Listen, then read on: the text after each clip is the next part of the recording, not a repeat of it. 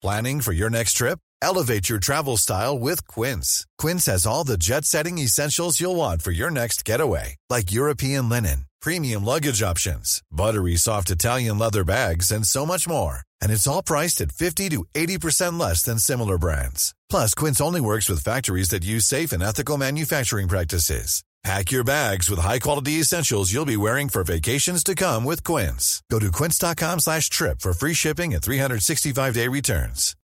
Since 2013, Bombas has donated over 100 million socks, underwear, and T-shirts to those facing homelessness.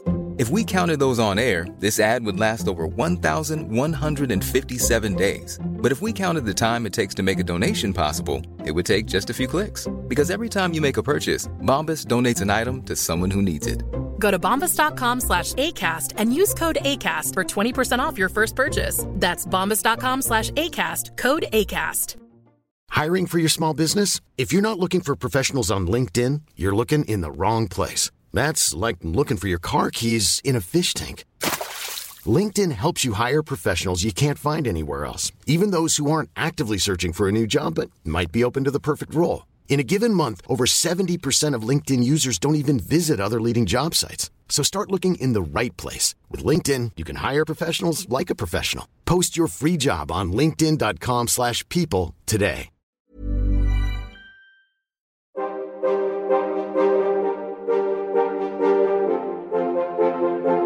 Oudheid is fascinerend. Een enorme puzzel waarvan we stukjes hebben. En heel veel stukjes ook niet. Al op de basisschool trokken de verhalen over het oude Egypte, de Romeinen, Griekse mythen, het oude China en het onderzoek naar al die oude culturen en mensen me als een magneet naar zich toe. En ik wil meer. Graag neem ik, Timo Epping, je in deze podcastserie mee op reis naar het verre verleden. Ik ga in gesprek met wetenschappers die ons in iedere aflevering een uurtje meenemen in hun eigen onderzoek. Hun eigen zoektocht naar de oudheid.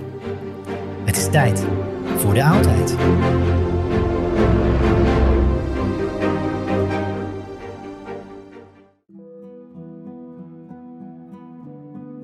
In deze aflevering spreek ik met Dr. Roel Konijnendijk. Roel studeerde aan de Universiteit Leiden en promoveerde aan het University College London. Een mooie academische route bracht hem via Leiden en verschillende Britse universiteiten naar de University of Oxford. In 2017 verscheen van zijn hand bij Brill Classical Greek Tactics.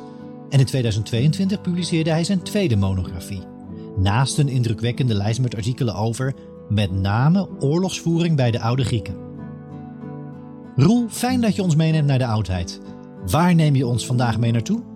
We gaan het dus hebben over de slag bij Luiktra. Uh, 371 voor Christus, dus het begin van de 4e eeuw voor Christus.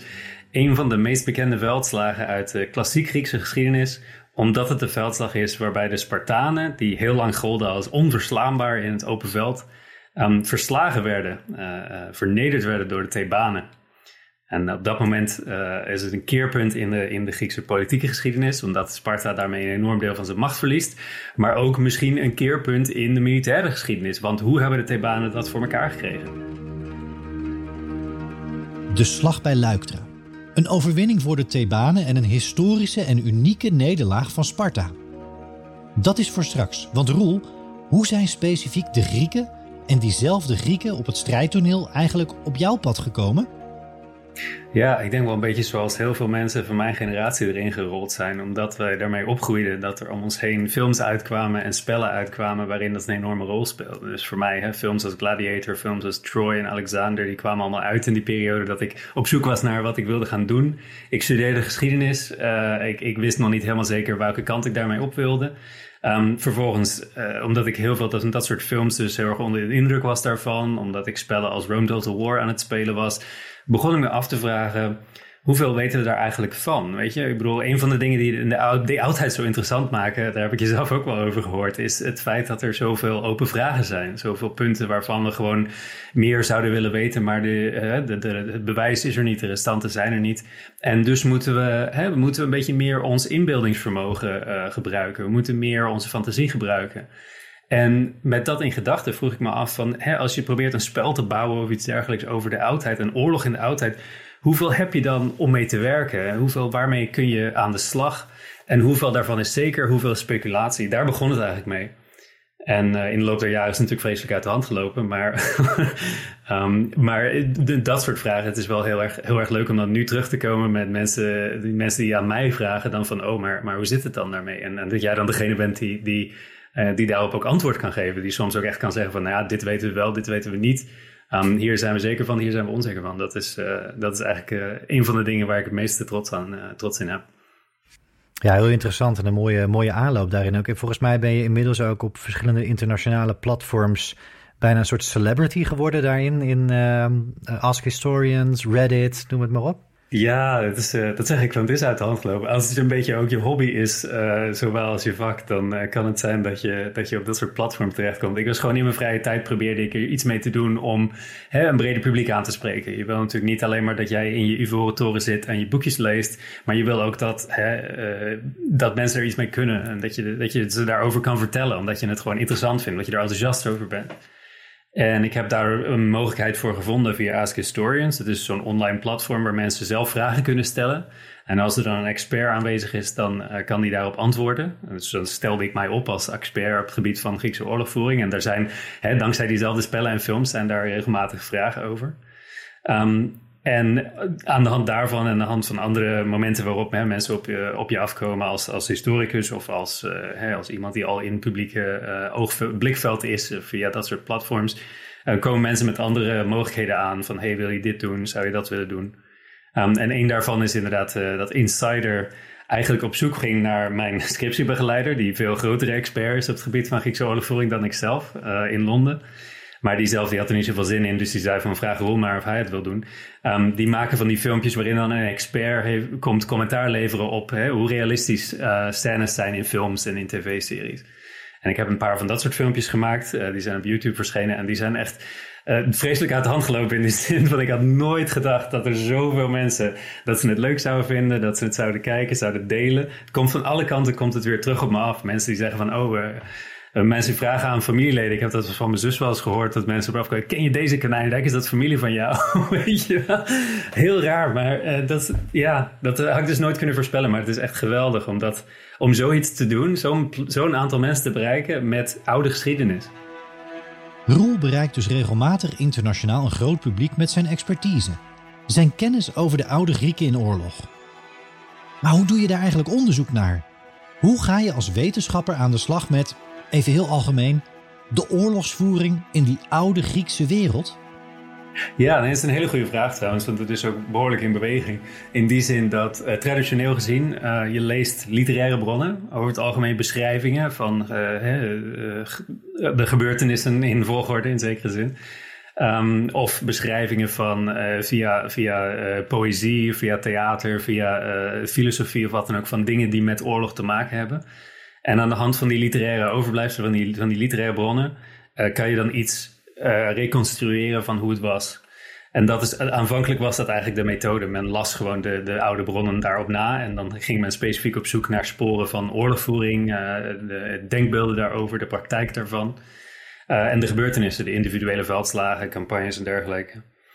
Later pas is daar ook nog aan toegevoegd natuurlijk een heel belangrijke dimensie, uh, de archeologie. Wat is er eigenlijk uh, concreet van over? Uh, wat voor objecten, wat voor voorwerpen, wat voor... niet heb ik niet alleen over zwaarden en wapenrusting, maar bijvoorbeeld ook over forten, stadsmuren, kampementen, dat soort dingen. de alledaagse dingen die mensen in die, die, die soldaten in die plek hebben achtergelaten. Um, en vervolgens komt er in recente tijd komt er nog bij dat heel veel mensen bezig zijn met uh, wat wel, wel lovend uh, experimental archaeology wordt genoemd. Uh, wat meer bekend is als reenactment. En daar heb je het dus over mensen die hè, proberen om die wapenrusting en die, in die gewoontes en die, die materiële wereld zo nauwkeurig mogelijk na te maken. En daar dan zelf mee dingen te ervaren. En dan heb ik het niet alleen over elkaar, op elkaar loshakken met, met stokken. Maar ook bijvoorbeeld proberen om die kampementen na te bouwen, hè, de schoenen en de, en de kleren na te maken met, met de technieken die toen beschikbaar waren. Het eten te maken waarvan we weten dat ze dat aten. Het te marcheren zoals, uh, dat, zoals gemarcheerd hebben en dergelijke. En dan op die manier proberen om meer uit te vinden over hoe dat was. Um, en dat heeft, weet je, die traditionele manier van, van onderzoeken hè, met de literaire bronnen en het archeologische materiaal is natuurlijk in de academie nog steeds dominant. Maar als we het hebben over Griekse oorlogvoering, is er ook steeds meer in, komt er ook steeds meer dingen bij vanuit de kant van de reenactors, die gewoon ook dingen hebben toe te voegen op basis van hun eigen kennis. En die vaak ook heel goed in, zelf in de bronnen zitten om dat allemaal te kunnen namaken. Ja, heel interessant. En hoe verhoud jij jezelf binnen dat veld? Uh, zie jij jezelf daarin als conservatief, progressief? ik ben in principe in mijn eigen, in mijn eigen uh, uh, benadering ben ik heel conservatief. Ik, ik, lees eigenlijk alleen maar de literaire bronnen, omdat het mij gaat om um, de ideeën die Grieken uiten als ze het over oorlog hebben. Dat is eigenlijk oorspronkelijk mijn, um, mijn scriptieonderzoek. Dat ging over het idee van wat voor een waarde zitten daarachter. Wat voor een gedachte over wat er acceptabel is. Als je hè, een vijand tegenkomt in het veld, wat kun je dan doen? Wat vind je normaal? Um, en daarom gaat het eigenlijk juist meer om die uiting van heel expliciet van wat vinden we daarvan? Uh, hoe beschrijven we dat? Waar hebben we het over? Uh, waarop leggen we de nadruk, et cetera? Dus wat, wat, dat betreft is mijn benadering heel traditioneel. Um, die ideeën hopelijk wat meer, uh, wat meer vers en minder, minder oudbollig. Maar tegelijkertijd probeer ik wel die contacten te onderhouden met mensen die natuurlijk op, op andere manieren aanpakken. En te kijken van hoeverre kan ik dat zelf ook toepassen. Dus ik doe zelf geen reenactment. Ik ben zelf niet betrokken in die wereld. Maar ik heb wel daar contacten. Ik spreek die mensen regelmatig. Ik probeer me te laten zien in hè, van die kringen, zoals op Facebook en zo, waar mensen discussiëren daarover. Omdat ik gewoon graag ten eerste eh, aan hen wil laten merken, laten merken van wij luisteren naar jullie. Um, maar tegelijkertijd ook omdat je daar gewoon vaak um, zelf niet wil laten, de dingen niet afzonderlijk van, van wat wij in de universiteit allemaal leren wil laten ontwikkelen. Je wil ook zelf zelf van, ze moeten ook mij lezen. maar hoop je dan althans. Omdat er anders een, een, gat ontstaat waarin wij niet naar hen luisteren, maar zij ook niet naar ons. En dat er dan uh, verschillende conclusies worden getrokken op basis van, van onvolledige informatie. Roel neemt ons straks mee in een specifieke casus. De slag bij Luiktra. Maar eerst nog een belangrijke zijstap. Over het algemeen wordt vaak gesproken over de Griekse wereld. Het lijkt een soort uniform geheel te zijn in de oudheid. Maar wel een wereld waarin verschillende Grieken, Griekse stadstaten, onderling voortdurend met elkaar in strijd zijn, oorlog voeren. Roel, kun jij duidelijkheid scheppen in dit wat verwarrend ogende geheel? Ja, nee, dat, uh, omdat de Griekse wereld uh, dus niet bestaat uit een, een, Griekse nazistaat, zoals de moderne Griekse staat, uh, maar uit letterlijk honderden kleine staatjes. en dan spreekt dan niet alleen over de staatjes van wat nu Griekenland heet, maar die staatjes zitten overal over het Middellandse zeegebied en zelfs het Zwarte zeegebied verspreid. Dus je hebt staten van tegenwoordig de Krim, je hebt er één in Egypte, je hebt ze in Libië. overal in Italië, Sicilië zitten overal Griekse stadstaten. En die zijn allemaal in feite politiek afhankelijk, of ze streven althans onafhankelijkheid na. Uh, dat wil zeggen dat ze allemaal dus in feite zich gedragen als een moderne staat. Dus ze hebben allemaal hun eigen buitenlands beleid, min of meer. Het zijn natuurlijk vergrote woorden voor zulke kleine staten, maar wij hebben het in feite over mensen die zelf willen kiezen wie van onder al die andere staten hun vrienden en hun vijanden zijn. En dat zijn ook echt vijanden. Ik dat zijn vijandschappen die heel diep gaan en die eeuwen door slepen, voortslepen. En uh, die, die staten die zijn gewoon heel vaak, uh, die bedienen zich van het volledige palet, hè, wat, je, wat voor beleid je kan voeren. Soms zijn het innige vriendschappen, soms zijn het uh, coole allianties. En in andere gevallen zijn het, zijn het openlijke oorlogvoering. En je hebt in deze periode vooral, maar dat, dat gaat eigenlijk heel ver terug. Het is alleen moeilijk te tasseren in de archaïsche periode. Dus eeuwen terug is het moeilijker te zeggen hoe ver, hoe wijdverbreid het was. Maar ze hebben de neiging om te proberen om zoveel mogelijk macht naar zichzelf toe te trekken, met name door kleinere buren te domineren. En dat doen ze eigenlijk allemaal. Ik bedoel, we horen af en toe ineens van een of andere kleine liga ergens in de bergen in de Peloponnesos, die blijkbaar ook, hè, waarbij blijkbaar ook een, een stad zijn kleine buurt, buurdorpjes is aan het, uh, aan het onderdrukken. Maar in principe eh, verspreiden ze zich hun macht uit over iedereen waar het kan. En houdt die, die expansie pas op op het moment dat iemand daadwerkelijk uh, kan zeggen van nee, tot hier niet verder. En dat komt erop neer dat er, vooral in deze periode waar we het dan nu over hebben, die klassieke periode, dat zich steeds meer van die staten in feite tot rijken gaan ombouwen, waarin ze echt een, een meer permanente structuur proberen te bouwen, waarin de kleinere en zwakkere staten door de sterkere worden gedomineerd en worden, worden overheerst. Met dit beeld gaan we nu inzoomen op de slag die tijdens deze aflevering centraal staat. De traditie leert ons dat op 6 juli van het jaar 371 voor Christus de Spartanen en de Thebanen tegenover elkaar komen te staan bij Luiktra. Roel, met welke partijen hebben we te maken en welk verhaal gaat er aan deze specifieke slag vooraf? Zeker, ja. Sparta is uh, denk ik een, een, vrij bekende naam. Uh, het is een van de grootste en machtigste stadstaten uit de Griekse wereld. En al heel lang eigenlijk uh, staat het bekend in deze periode als de leiders van de Grieken. Zijn in feite een soort van hegemonische status die ze voor zichzelf hebben gewonnen. Um, en dat betekent in deze periode niet zo heel veel meer. Het zal wel blijken later dat Sparta een beetje uitgehold van binnenuit.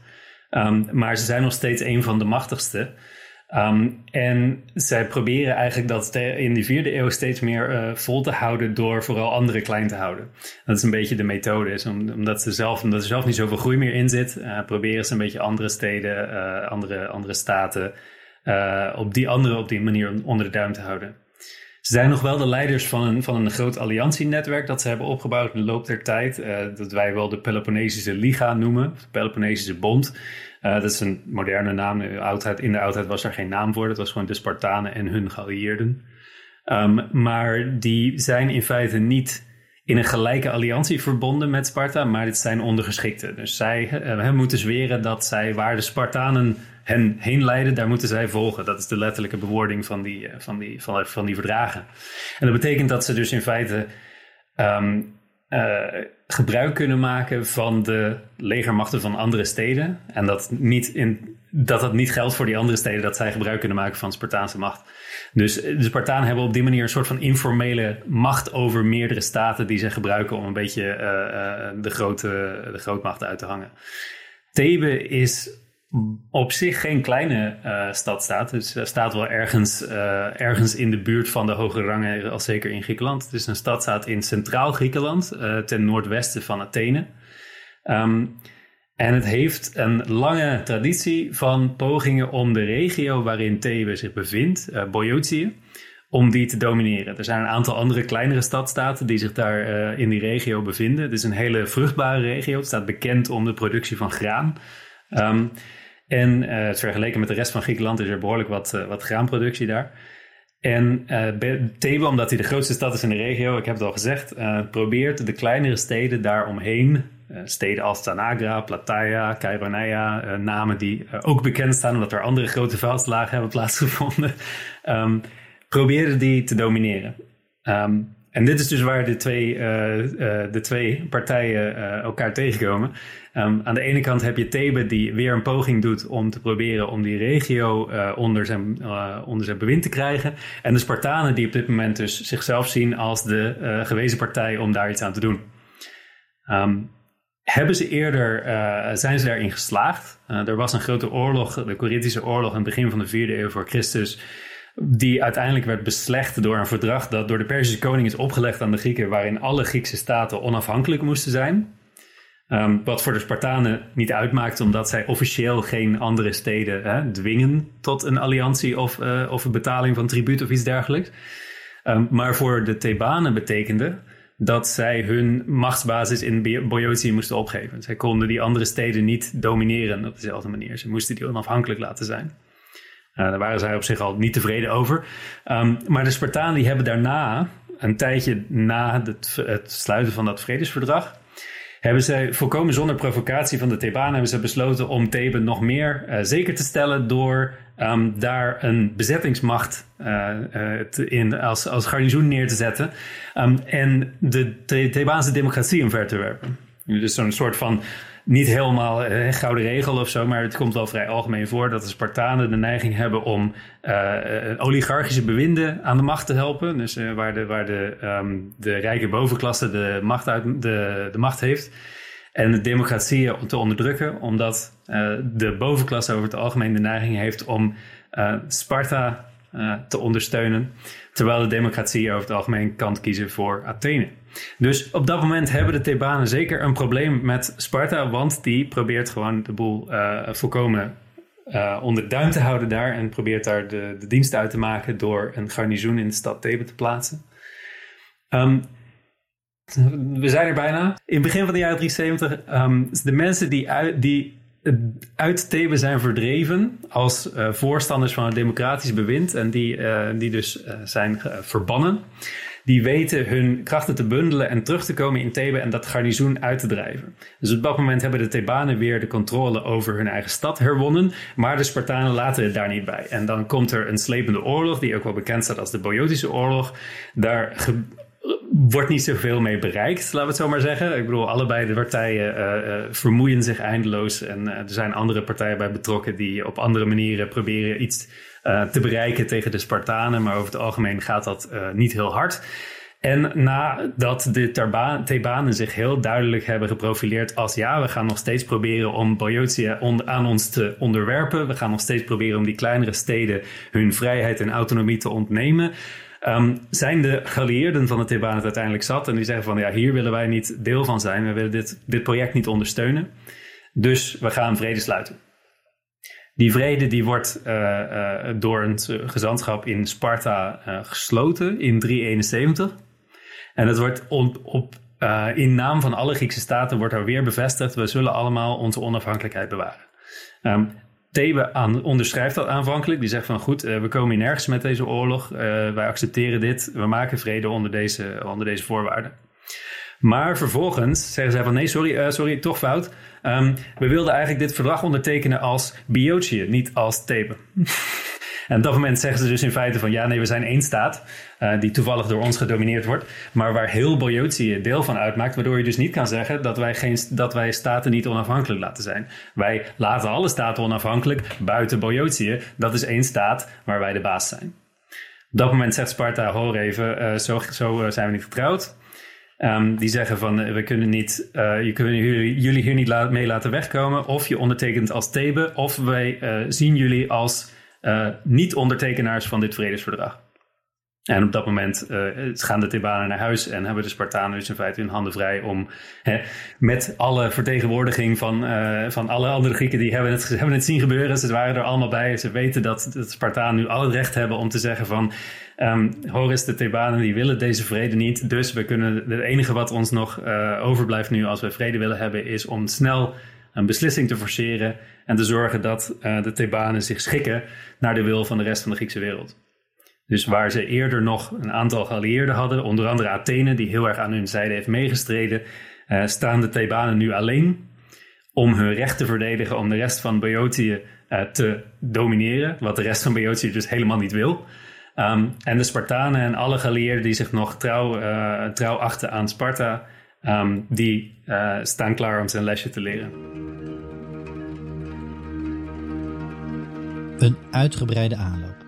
Nodig om te begrijpen waarom beide partijen, of eigenlijk een veelheid aan partijen, al dan niet gemotiveerd zou je kunnen zeggen, uiteindelijk tegenover elkaar komen te staan. Roel, voor je ons daadwerkelijk meeneemt naar de strijd, welke bronnen hebben we om deze slag te onderzoeken? Ja, ja, dat is een heel interessante vraag op zich. Want meestal als we het hebben over veldslagen in de klassiek Griekse oorlogvoering, dan hebben we één beschrijving. Heel vaak zijn we op één beschrijving aangewezen. En als we kijken naar andere beschrijvingen die misschien uit latere bronnen bestaan, dan kun je die heel vaak al meteen wegleggen als gewoon korte samenvattingen van die ene bron. Dus dan heb je in feite maar één bron en een paar andere oude eh, antieke schrijvers die dat hebben overgeschreven of hebben gebruikt. In dit geval hebben we echt meerdere verschillende tradities over deze veldslag. Omdat die dus gewoon zo groot uh, hè, opdoemde in, het, in het, uh, het collectieve, de collectieve herinnering van deze periode zijn er meerdere verslagen daarvan overgeleverd. Dus de belangrijkste daarvan, waar je dan meteen naar gaat kijken, is degene die het meest uh, uit diezelfde tijd afkomstig is. Dus door, uh, door iemand is opgeschreven die op diezelfde, in diezelfde tijd geleefd heeft en die er ook echt dicht bij, nauw bij betrokken was. hij had vrienden in het, uh, onder het Koninklijk Huis van Sparta.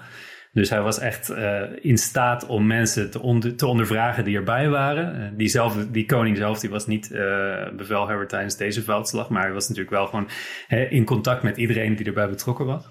Dus deze schrijver, Xenophon, een, een banneling uit Athene, um, die heeft in principe voor ons de voorkeur. In die zin dat hij uh, in diezelfde tijd in staat is geweest om uh, met iedereen uh, te spreken die, die hem daar iets over had kunnen vertellen. Die er zo dicht mogelijk bij, bij had gestaan. Um, Daarnaast heb je nog wat latere versies, die dus uit andere, uit andere tradities afkomstig zijn. Die niet van Xenophon en zijn interviews komen, maar van andere bronnen. Die wat, wat ons betreft onbekend zijn, omdat die verloren zijn gegaan. Ehm, maar je hebt dus de universele geschiedenis van Diodorus. Die is geschreven rond de tijd van Julius Caesar, dus je al honderden jaren later. Maar die uh, waarschijnlijk teruggaat op ook een, een, een, historicus uit de vierde eeuw voor Christus, Ephorus, die uh, helaas dus niet is overgeleverd. Maar waarvan je kan zien dat er een hele andere traditie over die veldslag bestond. Een hele andere manier om dat te vertellen. Um, en dan heb je daarna nog Plutarchus, die uh, nog veel later schrijft in de tijd van de keizer Trajanus. Um, die weer een hele andere versie daarvan heeft bewaard. Ehm, en waar die op teruggaat, dat is ook een open vraag. Er zijn een aantal kandidaten wel voor, maar dat zijn allemaal uh, historici die, die niet overgeleverd zijn. Dus wat betreft de literaire traditie heb je dus meerdere verschillende uh, uh, versies daarvan, die teruggaan op verschillende bronnen, die niet allemaal bewaard zijn gebleven, maar die duidelijk afzonderlijk af, afkomstig zijn van verschillende kanten van het verhaal of verschillende pogingen van mensen die in die tijd geleefd hebben, om te achterhalen wat er precies gebeurd was. En dan heb je daarna nog het verhaal van Pausanias, die ook uh, vrij laat uh, schrijft. Die schrijft een soort van reisgids door, uh, door Griekenland voor Romeinse toeristen. En overal waar die komt, zegt hij dan iets over de lokale geschiedenis dat van belang is. Zeker als het te maken heeft met monumenten of tempels of, of wat dan ook. Dat dingen die, die noemenswaardig en, en bezienswaardig zijn. En die heeft er zelf ook nog een versie van, die waarschijnlijk teruggaat op lokale tradities. Dus waar hij dan gewoon mensen vraagt van, hé hey jongens, wat is hier eigenlijk gebeurd? En dan krijgt hij dus het relaas van wat hier in zijn tijd al 500 jaar geleden gebeurd is. In hoeverre dat nog herinnerd wordt door, door de lokale bevolking is natuurlijk een vraag. Daarnaast nog hebben we natuurlijk de locatie. We weten waar het gebeurd is. Dat is vrij zeker, omdat er nog steeds een dorpje Lefktra bestaat. Um, en omdat we de, de route van het Spartaanse leger kunnen traceren. En dat is natuurlijk een heel belangrijke extra bron, omdat je daaraan een heleboel dingen kan toetsen. Gewoon hoeveel ruimte is hier eigenlijk? Uh, is het wel allemaal zoals de bronnen beschrijven? Ligt het wel allemaal een beetje handig bij elkaar daar zo? Um, en daar ligt ook nog een monument dat in de loop der eeuwen natuurlijk uit elkaar is gevallen, maar in de 20e eeuw weer opnieuw is opgesteld. Een, een, een overwinningsmonument uh, uh, van de Thebanen, um, die ze na de veldslag hebben opgesteld. Je zou kunnen zeggen dat er in dit geval voor deze slag dus een overdaad aan bronnen is. Roel, is dat een luxe of een last voor een wetenschapper? Ja, nee, dat is het grote probleem met die bronnen, is omdat ze dus inderdaad verschillende tradities weergeven, um, dat ze diep met elkaar eens zijn. En dat is het grote probleem. Je zou wel, je zou wel willen dat je met vier bronnen in plaats van één, um, dat je een grote rijkdom aan materiaal en informatie hebt en dat je alleen maar beter de veldslag kan, uh, kan reconstrueren. Maar het blijkt dat dat eigenlijk de zaak alleen maar moeilijker maakt. Omdat wij gewoon van heel veel van die bronnen niet zeker weten hoe betrouwbaar ze zijn. En omdat ze dingen van elkaar vertellen die gewoon niet met elkaar te rijmen zijn. Dus dat ze elkaar niet aanvullen, maar elkaar tegenspreken. En dat is een heel groot probleem met het, uh, met het reconstrueren van deze veldslag. Omdat er dus heel veel van afhing op het politiek moment. Omdat er iets heel bijzonders is gebeurd, het verslagen van Sparta. Uh, en dat er daarom uh, tegelijkertijd, op het moment dat het gebeurde al, um, allerlei redenen waren om dat verhaal op allerlei manieren hè, te verheerlijken, uh, op te schonen, op allerlei manieren te verdraaien, zodat het een bepaalde politieke agenda kon, kon versterken, vertegenwoordigen. En dat er daarom dus heel veel mee gemoeid is geweest in de, in de loop der eeuwen, al in de oudheid, om dat verhaal op een bepaalde manier te vertellen. In plaats van gewoon hè, een, een puur uh, feitelijk relaas te geven van wat er, uh, wat er eigenlijk gebeurd is. En in feite is het natuurlijk ook te veel gevraagd op het moment dat je niet uh, professionele stafofficieren hebt die elke minuut bijhouden wat er precies allemaal gebeurd is en die het overzicht behouden met gebruik van verrekijkers en, en, en radar en weet ik veel wat. Um, maar in plaats daarvan gewoon mensen die hè, moesten vechten en die op het moment dat, hè, dat, dat je in contact komt met de vijand al compleet vergeten bent wat er eigenlijk allemaal verder om je heen gebeurd is. En dat is helemaal niet belangrijk. Je probeert gewoon te overleven. En dat het op dat moment dus zelfs door ooggetuigen heel moeilijk is om te reconstrueren wat er eigenlijk precies gebeurd is in zo'n veldslag. Dat zie je ook meerdere keren, zie je die antieke schrijvers daar ook al over klagen.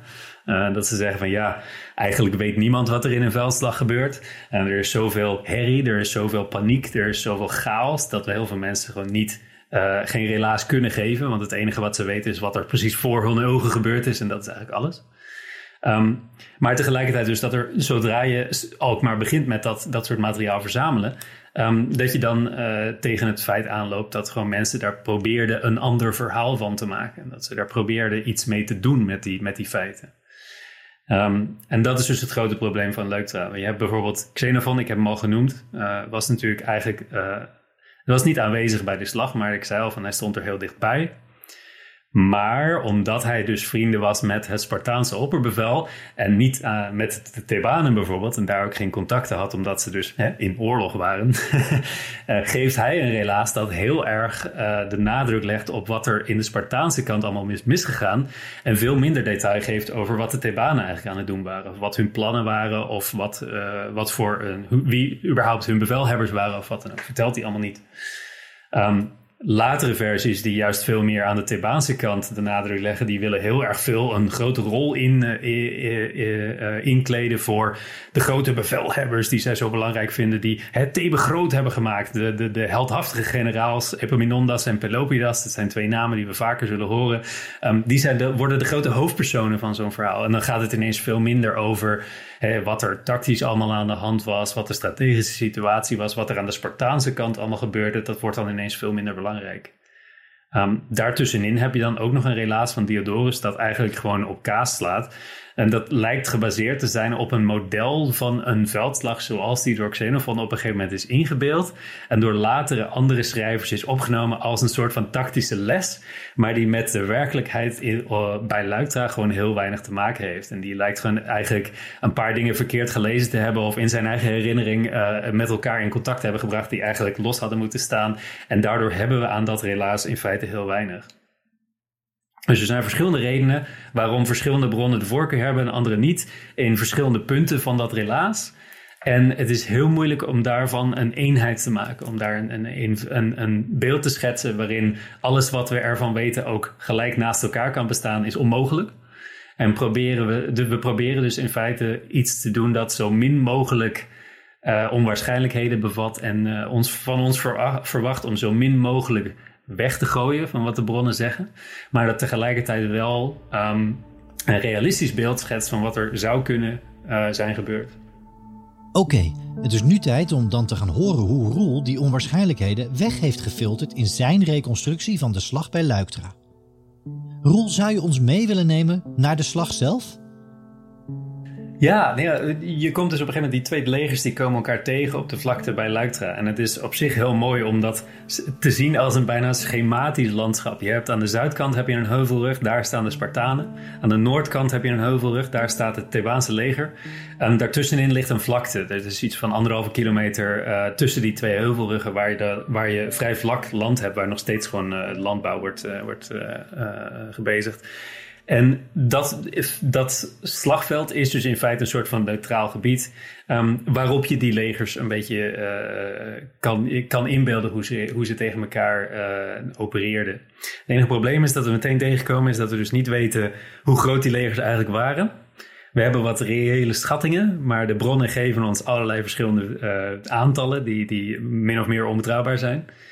Um, Plutarchus, die ik al genoemd had, die vrij laat schrijft, is de eerste die eigenlijk echt een, uh, een, een beetje realistisch aantal geeft van, uh, van het Spartaanse leger. Hij zegt er waren ongeveer 11.000 man. Nou, dat is wel goed te vergelijken met wat de Spartaanse alliantie gewoonlijk te velden kan brengen. Um, latere bronnen die heel erg proberen de Thebaanse, Thebaanse prestatie op te hemelen, die geven natuurlijk steeds grotere aantallen. We hebben een bron die zegt 24.000, we hebben een bron die zegt 40.000. Dat zijn aantallen die gewoon volkomen ongeloofwaardig zijn, dus die zetten we over het algemeen weg. Um, maar je hebt het dus over een Spartaans leger van misschien een man of 10, 11.000. Um, maar dan moet je niet inbeelden als 10.000 Spartanen. Dat is in feite een leger dat geleid wordt door een, een, een contingent Spartanen. Dat bestaat uit twee derde van het Spartaanse leger, wordt ons verteld. En dat is in deze tijd, omdat het aantal Spartanen geleidelijk afneemt in de loop van de klassieke periode, heb je het over een macht van misschien 2.500 man. Um, van, van het Spartaanse, de Spartaanse kern van dit leger. Waarvan dan ook nog eens maar 700 man echt Spartaanse burgers zijn. Dus de Spartanen die we ons inbeelden. Hè? De, de mensen die in, uh, als staatsburger in Sparta uh, zijn opgegroeid en zijn opgevoed. Um, de rest van dat Spartaanse contingent, dat zijn de zogenaamde perioikoi, de, de, buren, zeg maar. Dus dat zijn mensen die wel vrijgeboren zijn in Sparta, maar die geen burgerrechten hebben. Dus die hebben hun eigen kleinere steden en dorpen in het gebied waar Sparta de baas is. En dan heb je daarna ook nog vrijgelaten heloten en andere types die dat, die dat uh, aantal aanvullen. De rest van dat leger, dus drie kwart ervan ongeveer, zeg maar, Um, dat zijn alle geallieerden van Sparta. Dus dat zijn mensen die over de hele Peloponnesos en uit de, de regio waar ze nu actief zijn in Focus en in Boiotië, um, die uh, hun legermacht hebben bijgedragen aan het, aan het geheel. Dus het zijn vrij kleine onderdeeltjes en stukjes en brokjes over de hele Peloponnesos verspreid van een paar honderd man hier en misschien duizend man daar, um, die samenkomen om hun uh, verplichtingen aan Sparta na te komen. Dus je hebt het over een leger dat uiteindelijk bestaat uit hè, een kern van uh, 2.500 ongeveer Spartanen, geleid door koning Cleombrotus. Um, en dan de rest. En de rest, daar moeten we er even bij zeggen, die zijn steeds minder betrouwbaar voor Sparta. Want Sparta heeft natuurlijk een hele slechte naam ondertussen, dat zij gewoon proberen om andere mensen eronder te houden uh, allerlei staten aan te vallen eh, met of zonder reden. Uh, de, de, Thebanen zelf die hebben natuurlijk een enorm probleem gehad eerder met Spartanen die zomaar ineens besloten om hun staat onder een soort van garnizoen te plaatsen. Um, en het betekent dus in feite dat die geallieerden veel minder de neiging hebben, steeds minder de neiging hebben om voor Sparta hun nek uit te steken. En dat Sparta dus in feite steeds meer op zichzelf is aangewezen, tegelijkertijd het aantal Spartanen steeds verder afneemt. Dus dat is voor Sparta een groot probleem. Ze hebben in feite een leger waarvan ze maar op een kwart min of meer aan kunnen, namelijk hun eigen troepen. Tot zover de Spartanen en de troepen die zij meebrachten naar Luiktra. En aan de andere kant, de Thebanen?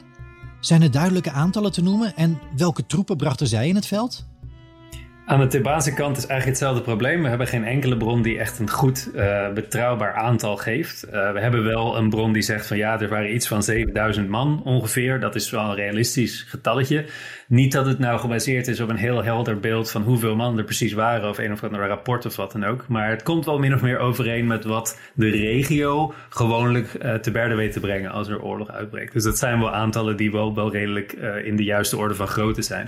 Alleen we kunnen dat dus gewoon niet uh, echt heel erg goed in detail opbreken in hoeveel daarvan zijn Thebanen, hoeveel daarvan zijn andere steden van Boiotië die daar ook hun bijdrage hebben moeten leveren, hoeveel zijn infanterie, hoeveel zijn cavalerie. Eén ding dat daar wel bij moet worden opgemerkt is dat net als bij de Spartanen geldt, um, die andere Boiotische steden die willen daar dus echt niet bij zijn. Um, dus, dus zowel als bij het Thebaanse als bij het Spartaanse leger geldt dat de geallieerden daar tegen hun wil zijn. En dat ook de Thebanen dus in feite op dat moment alleen kunnen bouwen op hun eigen uh, kern van het leger. Planning for your next trip? Elevate your travel style with Quince. Quince has all the jet setting essentials you'll want for your next getaway, like European linen, premium luggage options, buttery soft Italian leather bags, and so much more. And it's all priced at 50 to 80% less than similar brands. Plus, Quince only works with factories that use safe and ethical manufacturing practices. Pack your bags with high-quality essentials you'll be wearing for vacations to come with Quince. Go to quince.com slash trip for free shipping and 365-day returns. Millions of people have lost weight with personalized plans from Noom. Like Evan, who can't stand salads and still lost 50 pounds. Salads generally for most people are the easy button, right? For me, that wasn't an option. I never really was a salad guy. That's just not who I am. But Noom worked for me. Get your personalized plan today at Noom.com. Real Noom user compensated to provide their story. In four weeks, the typical Noom user can expect to lose one to two pounds per week. Individual results may vary.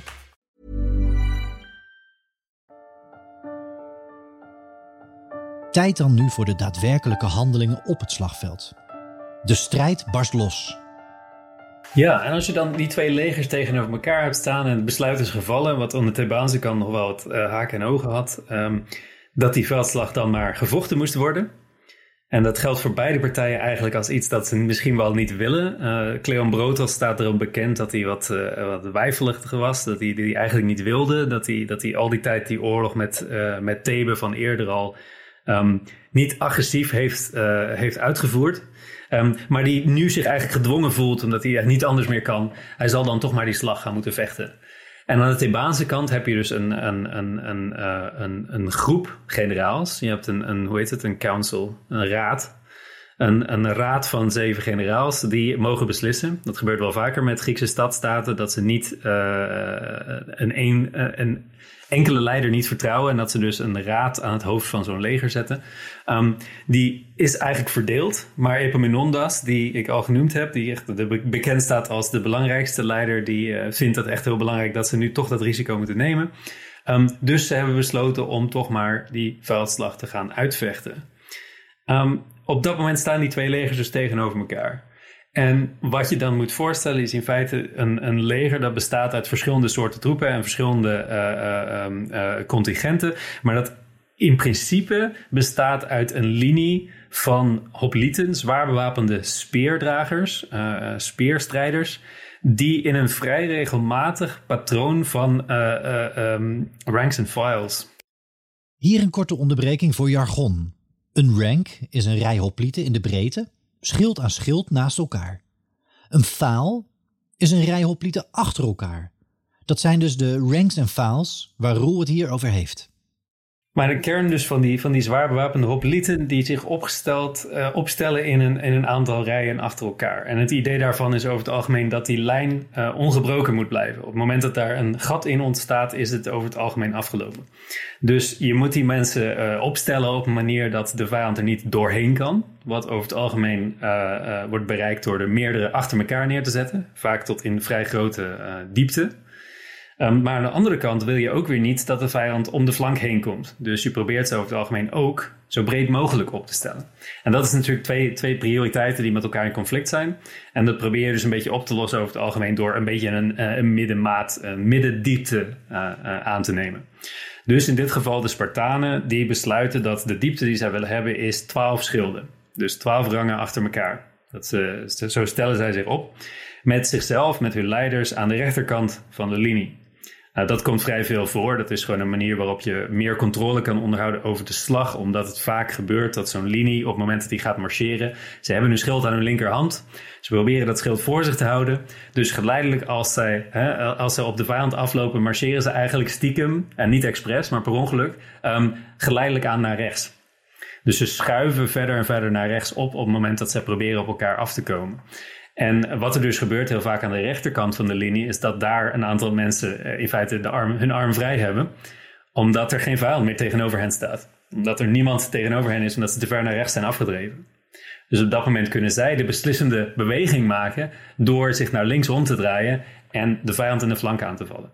Dus heel vaak zie je dit soort legers, deze hoplite legers, die worden van de rechterkant geleid. Spartanen die doen dat graag en die willen, willen zelfs nog wel eens, um, wat ze in eerdere veldslagen met veel succes hebben gedaan, expres naar rechts toe af te marcheren. Door zo ver, om zo ver mogelijk om de vijandige linkerflank heen te komen. Dus ze proberen eigenlijk op die manier proberen ze hun veldslagen te winnen. Dus zij zeggen, we stellen ons op in twaalf rangen en wij blijven aan de rechterkant, want daar kunnen wij de veldslag beslissen. In plaats van hetzelfde te doen, besluiten de Thebanen juist om hun grootste macht, hun eigen hoplieten, waar ze dus wel op kunnen vertrouwen, aan de linkerkant op te stellen. Direct tegenover die Spartanen. En om die troepenmacht op te stellen, niet in uh, een diepte van 8 of 10 of 12 of wat dan ook. Ze hebben eerder al eens 25 geprobeerd. Deze keer gaan ze volgens de bronnen diep, tot een diepte van 50 schilden. Nou, is dit natuurlijk een heel groot probleem. Op het moment dat je uh, al die mensen achter elkaar zet, heb je ze niet meer in de breedte. Dus je creëert in feite een groot blok van die speermannen, um, waar de vijand in principe heel makkelijk omheen kan komen. Dus dit lijkt de Spartanen in de kaart te spelen. Op dit moment is het voor de Spartanen wel heel aantrekkelijk om op, die, op dat blok af te rennen en vervolgens daaromheen te, te zwaaien om de linkerflank. En om dat van, gewoon van de zijkant op te rollen. Dan zou het een heel kort verhaal worden voor de Thebanen. Maar er zit wel een gedachte achter. En dat is dat die diepere formaties over het algemeen in eerdere veldslagen, want we hebben dat eerder gezien, dat zei ik, de Thebanen hebben 25 wel eens eerder geprobeerd of zelfs nog meer. Um, het lijkt erop dat die diepere formaties, dat die over het algemeen winnen. En dat is echt een, een, een groot vraagstuk voor, uh, voor militaire historici van deze periode. Ik weet niet of we dat nu al zullen behandelen of dat we daar later op willen terugkomen. Um, maar het komt daarop neer van we kunnen niet precies verklaren waarom dat is. En er zijn twee theorieën over. Eén daarvan is dat uh, als die, die hoplieten, als die grote formaties elkaar tegenkomen, dan komt erop neer dat ze letterlijk proberen elkaar van het slagveld af te drukken. Dat ze elkaar massaal aan het duwen zijn. En op het moment dat je allemaal aan het duwen bent tegelijkertijd, dan is het natuurlijk beter om meer mannen achter elkaar te hebben, zodat ze harder kunnen duwen, dan minder, want dan wordt er over je heen gelopen. Maar dat blijkt in de praktijk gewoon niet zo te zijn. Ik bedoel, er zit een, een praktisch maximum aan van, uh, van het aantal mensen dat je, uh, dat je achter elkaar kan zetten, waardoor nog een meerwaarde zit achter hun duwkracht. Maar sowieso is het strikt theoretisch of het wel eigenlijk zo afliep. Of, als een, of dat wel daadwerkelijk gebeurde in die veldslagen, dat er zo'n massaal, massale duwwedstrijd uh, plaatsvond. Want dat is in feite iets dat niet wordt beschreven door de bronnen. Er wordt alleen af en toe waargemaakt van een, een, een duwpartij. Maar dat weten we niet of dat nou echt een, een tactische bedoeling was, laat staan een gewoonte. Um, en we kunnen heel moeilijk reconstrueren hoe dat dan gebeurd zou kunnen zijn. Het alternatief, wat wel door de bronnen wordt onderschreven, en onder andere Xenophon is hier heel expliciet over, is het idee dat als er meer mannen achter jou staan, dat jij meer geneigd zal zijn om in dat gevecht te blijven, om het langer vol te houden. Omdat er gewoon geen enkele manier is om weg te rennen, maar ook omdat er mensen achter je staan waarvan jij weet van, zij zijn er om jou te ondersteunen. Zij zijn er om voor je in te vallen. Als er iets met jou gebeurt, dan zijn zij er om dat op te vangen. En op dat moment heb jij gewoon meer eh, vertrouwen in uh, of je in staat bent om door de vijand heen te komen. En de vijand tegelijkertijd, die ziet jou aankomen met jouw enorme macht achter jou aan, met rang na rang na rang van die oplieten. En die denkt van, nou, zoveel reserves hebben wij niet, zoveel uh, uh, ruggengraat hebben wij niet. En dat ze er dan eerder op de vlucht slaan. Want dat is uiteindelijk wat je aan het doen bent in zo'n oplietenslag. Je bent niet aan het proberen om de vijand hè, in een soort van uh, gehaktmolen uh, geleidelijk aan tot, aan het la tot de laatste man te verpulveren. Je bent aan het proberen om te kijken wie er het eerste op de vlucht slaat. Want al die veldslagen worden altijd beslist op het moment dat een van de partijen wegrent collectief gewoon zegt van we hebben er genoeg van, we kunnen het niet meer aan, we gaan er vandoor. Dat is het moment waarop je wint. Dat probeer je te forceren. Hoe sneller je dat kan laten gebeuren, hoe beter. De Spartanen hebben daar over het algemeen een groot handje van. Want zij hebben uh, een aantal dingen die andere Griekse staten niet hebben. Ze hebben een zeker niveau van discipline. Zij trainen samen. Andere Grieken doen dat niet. Um, zij uh, leren hoe zij moeten marcheren. Hoe ze informatie kunnen blijven terwijl ze over zo'n slagveld marcheren. En ze hebben een uniform aan. Wat andere Grieken ook niet hebben. Ze hebben allemaal dezelfde kleur tuniek en allemaal een mooi brons gepolijst schild. En daardoor zien ze eruit, alweer volgens Xenophon, die daar heel erg uh, over te spreken was, als een soort van eenheid, als een monoliet, als een blok dat op je af komt rollen over het slagveld. En Grieken die dat niet, die gewoontes niet hadden, zoals de Spartaan, die vonden dat dus uh, verschrikkelijk eng. Die konden zich daar niet in, konden zich daar niet tegen overeind houden. Dus op het moment dat, die, dat die Spartaanse phalanx op je afkomt, Spartaanse hoplietenformatie op je afkomt rollen, rustig, kalm marcherend. Uh, de, de, de, de fluitisten spelen op de achtergrond om het ritme aan te geven. Zij komen op je af uh, marcheren en je gaat er vandoor. Dat is bijna gegarandeerd voor de hele klassieke periode. Dat is een van de grote redenen waarom de Spartanen zo lang onverslaanbaar waren. En dat is dus de reden waarom die Thebanen besluiten nu... we moeten zo diep mogelijk opstellen, want dat is een zo groot mogelijke kans... dat onze, onze hoplieten het uh, voor elkaar krijgen om te blijven staan als die Spartanen op ons afkomen. Dat ze het kunnen volhouden en dat zij bereid zijn om die Spartanen echt af te wachten. En te zeggen van wij kunnen jullie aan. Wij kunnen die veldslag echt uitvechten in plaats van dat we er vandoor gaan voordat jullie er echt iets voor moeten doen. En dat is de manier waarop ze proberen aan te pakken. En de grote vraag is nu dan natuurlijk: lukt het? Ja, um, en dat is natuurlijk uh, al bekend, want ik heb al gezegd dat uh, de Thebanen een grote overwinning hebben behaald en de Spartanen worden vernietigend verslagen. Um, het lukt, maar hoe dat precies werkt is niet helemaal duidelijk, omdat er een aantal stappen van zijn die in de bronnen, um, door sommige bronnen wel en andere niet genoemd worden. Een daarvan is het gebruik van cavalerie. Uh, volgens Xenophon was het heel belangrijk dat de Spartaanse cavalerie, die heel zwak was volgens hem, die heel slecht getraind was, in tegenstelling tot hun infanterie, hun oplieten, Um, dat die in feite heel snel door de, door de Boiotische cavalerie, die juist heel sterk was, op de vlucht werd gedreven. En vervolgens um, probeerde te vluchten dwars door de Spartaanse phalanx heen. En op dat moment werd natuurlijk grote chaos. Uh, die hele Spartaanse formatie viel uit elkaar. En die moest zich weer snel, uh, die moest snel de orde herstellen voordat de veldslag kon beginnen. En dus Thebanen hebben gebruik gemaakt van die, uh, van die desorganisatie om zo snel mogelijk eigenlijk het tot een handgemeen af te, af te dwingen. Um, andere bronnen hebben het daar totaal niet over. Die noemen dat überhaupt niet. En dus is het een beetje een vraag of dat wel gebeurd is. En zo ja, hoe belangrijk het eigenlijk geweest is. Maar in ieder geval kunnen we veronderstellen dat die Spartaanse formatie, die gewoonlijk juist zo prat ging op orde en discipline. Uh, in tegenstelling tot andere Grieken die daar totaal geen aandacht aan besteden of heel weinig. Um, dat die formatie gewoon minder ordelijk was dan gewoonlijk. En dat er minder controle was over wat er met die formatie gebeurde dan gewoonlijk. Vervolgens komen die Thebanen dus op hen afstormen, want dat is hetgene wat ze proberen, wat een hoplietenmacht altijd probeert. Ze staan niet passief te wachten tot de vijand eh, hen bereikt, maar ze gaan op het laatste moment, als de vijand iets van 100 tot 200 meter genaderd is, gaan ze over tot een charge. Ze rennen op de vijand af. Um, dat enorme blok Thebanen komt dus op de, Theba op de Spartanen afrennen. En vervolgens gebeurt er iets met de Thebaanse eenheid, die bekend staat als de Heilige Liga, of de Heilige Schaar. Um, wat niet helemaal duidelijk is, maar dat mogelijk ook een beslissende rol heeft gespeeld. Um, die heilige schaar, de Hieros Logos, is een eenheid, een, een soort van staande eenheid. Een soort permanente eenheid die door de Thebanen is onderhouden. Um, die hebben ze inmiddels een jaar of acht of zo in dienst. En dat, dat is een hele bekende eenheid, omdat die zogenaamd zou bestaan uit 150 paren uh, van geliefden. Dus 150 uh, uh, mannenparen, mannenstellen, zeg maar. Um, die zijn dus verkozen door de stad om hun zeg maar, elite te vormen. Zij eh, zijn permanent ge geïnstalleerd als garnizoen op de Acropolis van Thebe. En zij vormen in verschillende militaire operaties vormen ze de ruggengraat van het Thebaanse leger. En we verwachten ze dus, we, kennen ze wel van, van bronnen. Xenophon noemt ze althans niet bij naam, maar hij noemt wel een, uh, een verkozen eenheid van de Thebanen. Hij weet dat ze bestaan. Um, dus we gaan er wel vanuit dat die eenheid er moet zijn geweest. Maar in zijn versie van de slag noemt hij ze niet. Hij zegt er verder niks over.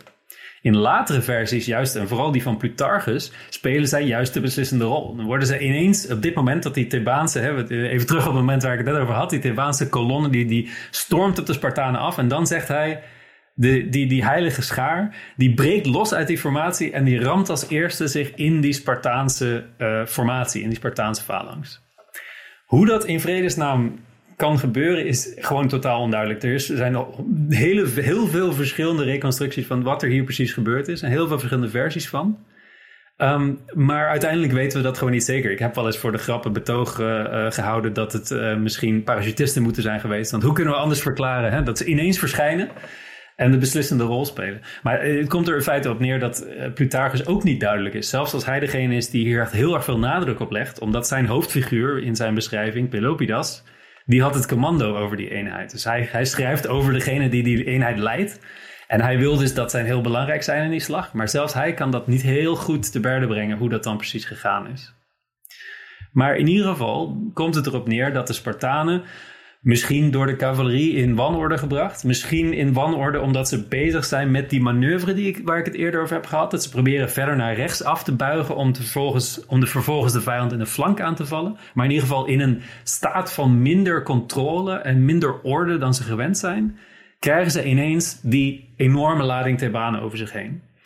En op dat moment is het in feite een handgemeen en is het een, een, een strijd van man tegen man. Um, dat is een strijd waarin Spartanen geen voordeel hebben over andere Grieken. Ik bedoel, dat is iets waar ze, waar ze nooit een reputatie voor krijgen dat ze individueel betere strijders zijn. Hun voordeel ligt geheel in dat, uh, dat opereren als een eenheid, die discipline, die manoeuvres die zij kunnen uitvoeren. Um, op het moment dat jij een Spartaan, uh, hè, gewoon, hij heeft een schild en een speer, jij hebt een schild en een speer, en een Spartaan is zo goed als elke andere Griek, misschien wat fitter. Um, dus wat dat betreft hebben de Thebanen het al teruggebracht tot een strijd die ze mogelijk kunnen winnen. Zolang de Spartanen niet in staat kunnen zijn om hun, hun, hun flankmanoeuvre uit te voeren. Zolang ze niet de gelegenheid krijgen om de Thebanen in de flank aan te vallen, zijn de kansen nu 50-50. Dus dat hebben ze al voor elkaar gekregen. Dat is zeg maar het plan van Epaminondas geweest. En op dat moment komt dus de grote, de grote truc van de Thebanen, of iets waar zij eerder in een slag zijn achtergekomen is dat die Spartanen, die kunnen wel heel veel met hun manoeuvres en met hun discipline en met hun formatie. Maar alleen als ze daarvoor het bevel krijgen. En het blijkt in een paar van die eerdere eh, gevallen dat op het moment dat uh, de Spartanen hun bevel verliezen, hun opperbevelhebber, dus in dit geval koning Cleombrotos, op het moment dat die wordt weggehaald en zijn, uh, zijn eerste ondergeschikte, dus de hoogste officieren uit het leger, zolang die van het speelbord worden gehaald, dan gedraagt de rest van dat leger zich als een soort van inerte massa. Die weten niet wat ze moeten doen. Ze weten op het moment dat ze geen bevelen krijgen van bovenaf, dan werkt die gewoonte, dat, dat, die discipline en die gehoorzaamheid die die Spartanen zegt van kinds af aan, zeg maar, uh, met de paplepel worden ingegoten, die gehoorzaamheid werkt tegen hen. Want op het moment dat zij niemand hebben om te gehoorzamen, weten ze niet wat ze moeten doen. En dat gebeurt dus ook hier. Cleombrotos wordt dodelijk gewond. Hij wordt afgevoerd uit het slagveld. Vervolgens meerdere van zijn officieren en bijna iedereen om hem heen die zeg maar, zijn tent deelt, die worden eh, geslacht in dat handgemeen, in dat vrede speergevecht tussen die twee partijen. Um, en vervolgens uh, kunnen de Spartanen het gewoon niet meer houden. Ze worden geleidelijk aan teruggedreven omdat ze geen manier weten te vinden om een voordeel te behalen over die enorme Thebaanse massa. En die Thebanen, die geven het maar niet op. Die breken maar niet. Ze gaan, rennen maar niet weg zoals alle andere Grieken altijd doen als de Spartanen tegenover hen staan. En op dat moment is het voor de Spartanen op een gegeven moment te veel. Het meeste van hun koninklijke garde, de zogenaamde hippees, de 300 uh, uh, wachters van de koning, um, die delven onderspit. En vervolgens uh, gaat de rest van het leger er vandoor. En natuurlijk, op het moment dat de, de Spartaanse geallieerden zien dat de, de Spartanen zelf er vandoor gaan, geven ze er zelf ook de brui aan, want dat wilden ze toch de hele tijd al. Dus ze hebben zich zo minimaal bezig gehouden met de rest van de veldslag. En zodra de Spartanen zelf breken, houden zij het voor gezien. De Spartanen breken. De rest houdt het voor gezien. Het einde van een fascinerend verhaal. De Thebanen boeken dus een overwinning. Hun tactiek wordt ook wel eens, even vrij vertaald, de kop van de slang tactiek genoemd. Zou je dat toe kunnen lichten, Roel? Ja, dat is dus de manier waarop het in, zelfs in Xenophon, en dat is het ene punt waarvan ik, waardoor ik hem eigenlijk meer uh, vertrouw op dit, op dit gebied dan heel veel andere historici. Omdat hij dus wel degelijk aangeeft wat het principe is van het plan van de Thebanen. Namelijk het idee dat, dat uh, door hem in de mond wordt gelegd van, van, uh, van het Thebaanse leiderschap, um, dat zij, um, als ze maar het zwaartepunt, de kern van het commando van het Spartaanse leger aanvallen, dat ze dan de rest van het leger in feite uh, verlammen en dan dat ze kunnen winnen. En dat wordt door een latere schrijver, Polyainos, wordt dat dan inderdaad heel mooi ge, gevat in een anekdote waarbij zogenaamd Epaminondas um, een slang oppakt van de grond of iets dergelijks. Of misschien gewoon naar, eh, in beeldspraak aangeeft van als je de kop van de slang verplettert, dan is de rest van de slang gewoon dood, doet je niks.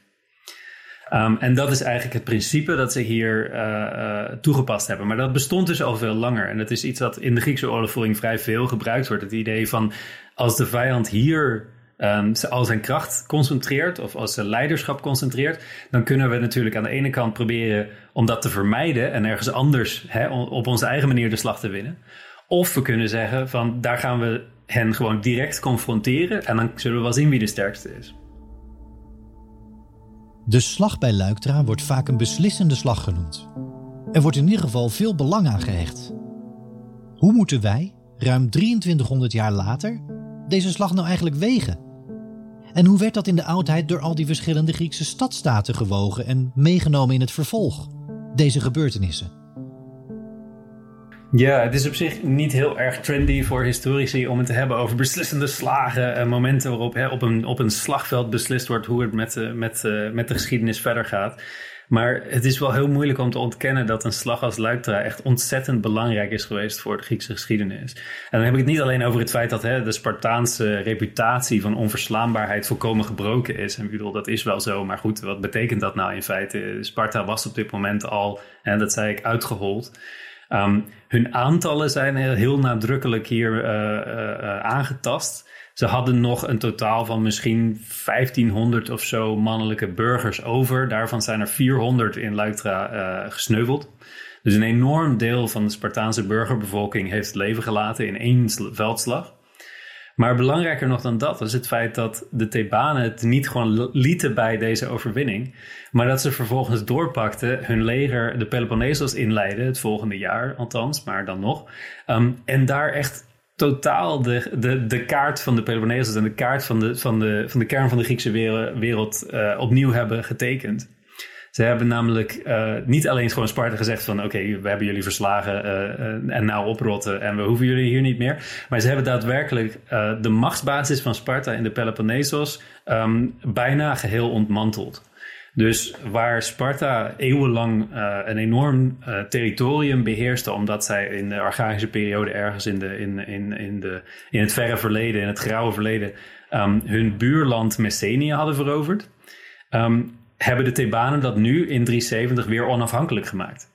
Dat betekent dus dat het Spartaanse, het Spartaanse territorium in één klap is gehalveerd. En dat tegelijkertijd daar een nieuwe stadstaat uh, is neergezet. Die ook gewoon voor eeuwig de Spartanen zal haten. En eeuwig uh, bereid zal zijn om tegen de Spartanen uh, in actie te komen als dat nodig is. Uh, vervolgens heeft hij ook nog de Arcadiërs. Dat zijn mensen die, die wonen in de, in de hoger, hoger gelegen gebieden van de Peloponnesos. Heeft hij verenigd in één grote nieuwe stad.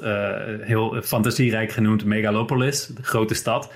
Um, dat is de, uh, ook weer een grote tegenhanger van Sparta. Een van de nieuwe grootmachten, of althans regionale machten in, de, in dat gebied. Die een soort van tegenhanger kan zijn, een tegengewicht kan zijn tegen elke nieuwe poging van Sparta. om te proberen hun positie uh, te herstellen.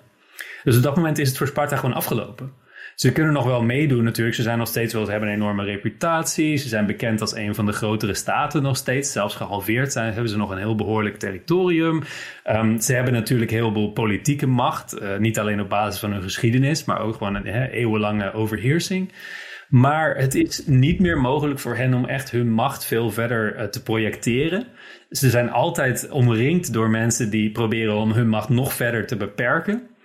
En vanaf dat moment zijn ze eigenlijk nauwelijks in staat om nog legers buiten de Peloponnesos in actie te brengen. Ze zijn steeds meer gericht op proberen om hier en daar, waar ze maar kunnen, uh, nog wat, uh, wat aan hun reputatie te herstellen. Of gewoon wat geld te verdienen als huurlingen of in dienst van, uh, van andere machten.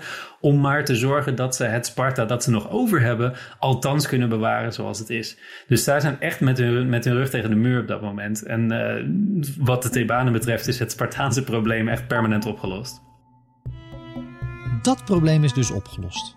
Maar hoe vergaat het de Thebanen zelf na Luiktra? Vanaf 371 voor Christus dus en verder. Voor de Thebanen zelf begint daarmee dan een korte periode waarin ze een heel veel meer invloed hebben over uh, de dingen in Griekenland uh, dan eerder. En dat is natuurlijk goed te begrijpen op het moment dat zij zichzelf uh, kunnen profileren als de helden die eindelijk een einde hebben gemaakt aan de Spartaanse hegemonie.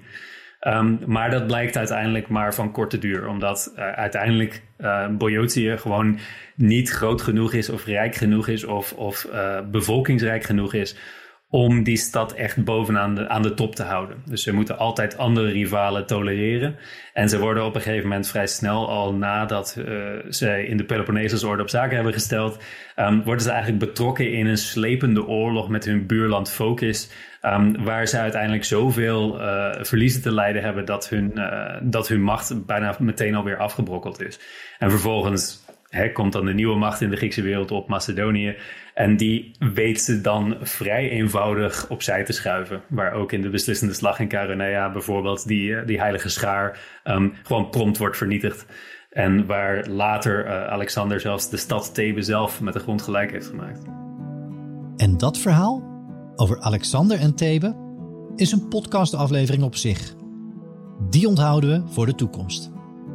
Dit was voor nu de eerste aflevering van een tweeluik over de slag bij Luiktra met Dr. Roel Konijnendijk van de University of Oxford. Er was nog heel veel meer te bespreken en dat hoor je binnenkort in een bonusaflevering.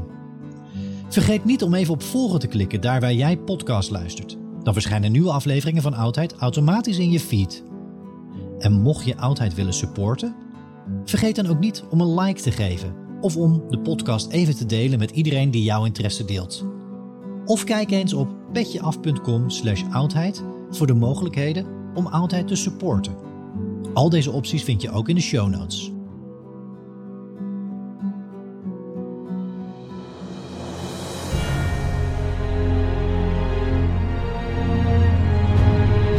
Dank je voor het luisteren naar De Oudheid, de podcast over het verre verleden. En wil je meer oudheid? Vergeet dan niet om de podcast te volgen daar waar jij podcast luistert. Iedere nieuwe aflevering verschijnt dan automatisch in je feed. Likes en reviews worden uiteraard gewaardeerd en vergeet vooral ook niet om de podcast met iedereen die jouw interesse deelt te delen. Heb je ideeën of suggesties voor de podcast? Mail dan naar info@eppingproductions.nl.